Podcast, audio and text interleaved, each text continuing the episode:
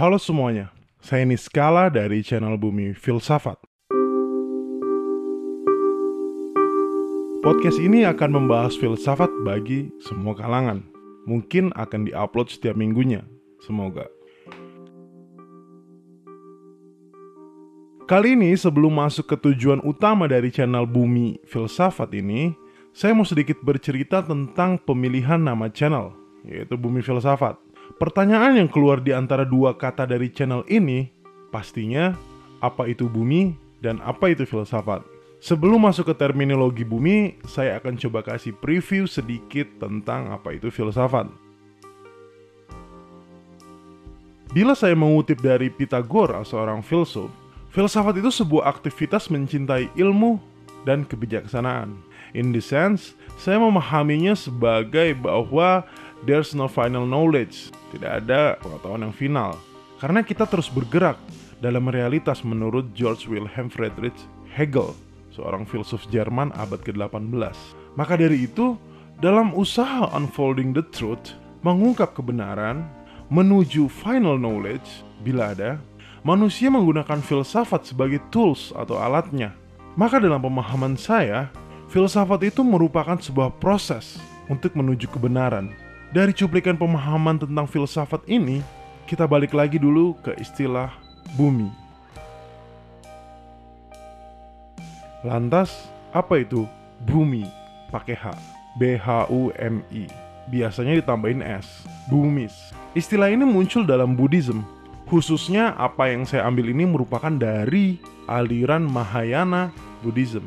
FYI, Buddhism terbagi menjadi berbagai aliran dan dua aliran yang paling besar ialah Theravada dan Mahayana. Lebih lengkapnya kita akan bahas di video berbeda. Kita mulai dengan terminologi bumi. Dalam bahasa Sanskrit, karena Mahayana lebih menggunakan bahasa Sanskrit dibanding Theravada menggunakan bahasa Pali, bumi berarti grounds atau level atau tingkatan.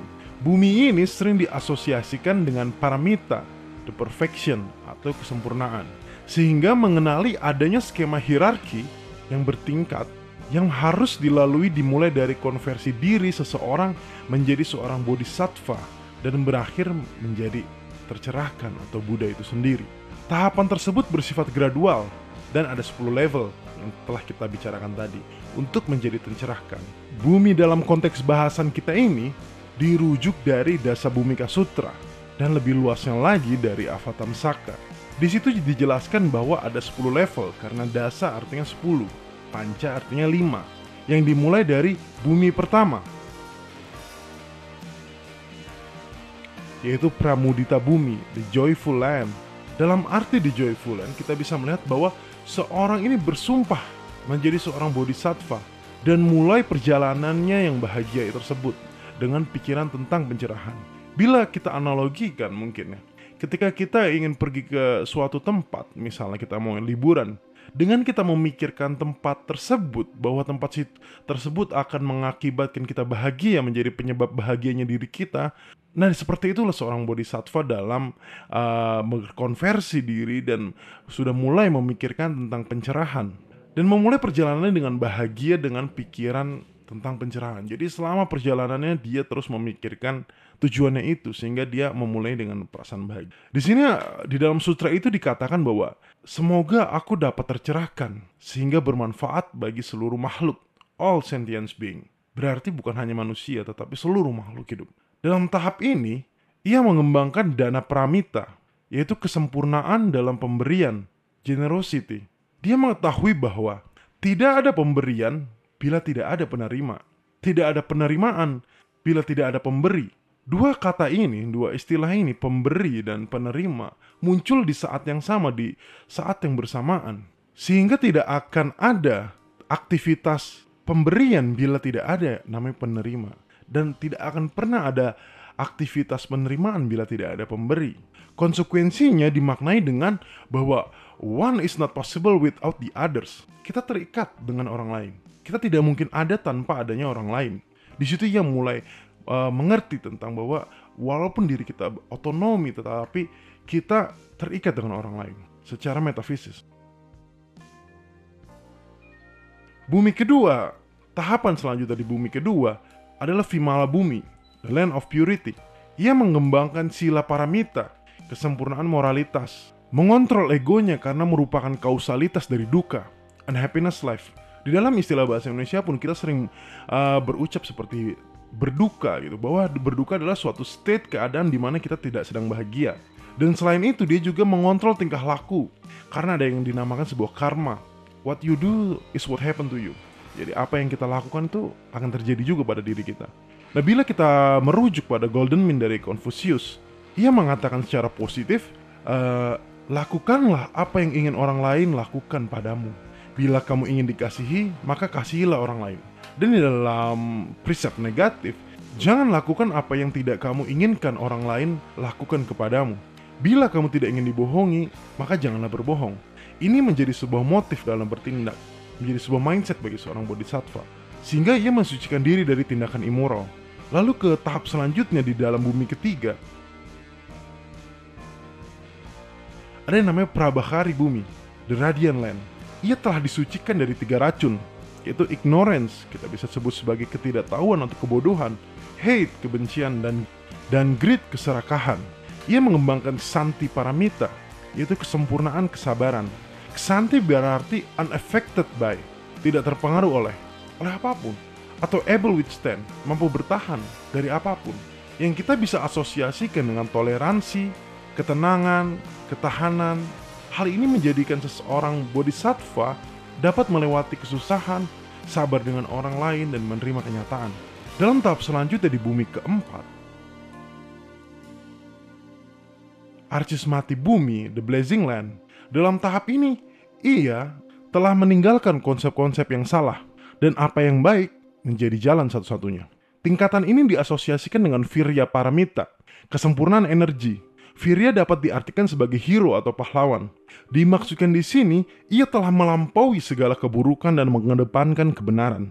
Di dalam tahap selanjutnya di bumi kelima, Sudurjaya Bumi, the land that is difficult to conquer, seorang bodhisattva masuk ke dalam tingkat meditasi yang semakin dalam, yaitu dalam dhyana paramita, kesempurnaan meditasi. Ia melampaui kegelapan dan ketidaktahuan atau ketidakbenaran. Sekarang ia paham tentang Four Noble Truths, duka, samudaya, nirhoda, dan maga, dan two truths tentang realitas yang akan kita bahas di episode berbeda. Di dalam bumi ke-6 Abimukhi Bumi, The Land Looking Forward to Wisdom, Tempat ini atau tanah tersebut diasosiasikan dengan prajna paramita, kesempurnaan dari kebijaksanaan, wisdom. Ia telah memahami seluruh realitas dari two truths berdasarkan kodrat alamiahnya, yaitu dependent origination, atau bisa kita ambil dari istilah Immanuel Kant sebagai das Ding an sich bila dalam bahasa Jerman, yang berarti suatu pada dirinya sendiri. Ia, seorang bodhisattva, telah memahami realitas sesungguhnya. Di dalam bumi ketujuh Durangga Bumi, The Far Reaching Land, Bodhisattva telah mendapatkan kekuatan dari upaya atau sebuah usaha cara untuk membantu orang lain. Dalam apa? Dalam memahami tentang pencerahan. Ia telah menjadi suatu yang transenden, yang bisa bermanifestasi dalam dunia, dalam bentuk apa pun, bagi seorang yang membutuhkan. Di dalam bumi ke-8, akala bumi, the immovable land, ia sudah tidak lagi dapat diganggu gugat. Karena dia sangat dekat dengan pencerahan, di dalam bumi kesembilan sadu mati bumi, the land of good thoughts, Bodhisattva mengerti seluruh dharma dan dapat mengajari yang lain. Lalu masuk pada tahap terakhir di bumi ke-10, Dharma Mega Bumi, the land of Dharma clouds. Mega artinya awan, ia telah tercerahkan.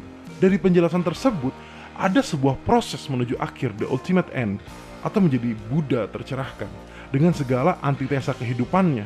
Namun bila saya masukkan perspektif dari Hegel, dalam proses tersebut hingga akhir yang kita namai sebagai imanen teleologi, gerak tujuan yang tetap ada tidak akan musnah.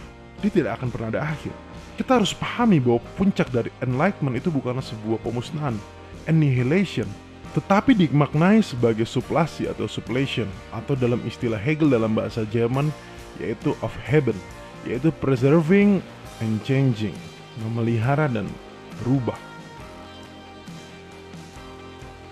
Saya memahami bumi sebagai suatu keadaan, dan juga keadaan ini berproses berdialektik, menuju ke berbagai tingkatan hingga pencerahan yang mungkin tercapai atau tidak.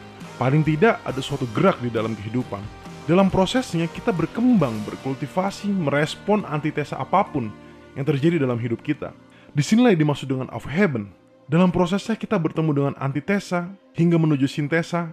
Di dalam arti bahwa di dalam kondisi kita yang cukup nyaman ini, kita bertemu dengan hal-hal yang buruk atau hal-hal yang menjadi lawan dari kita.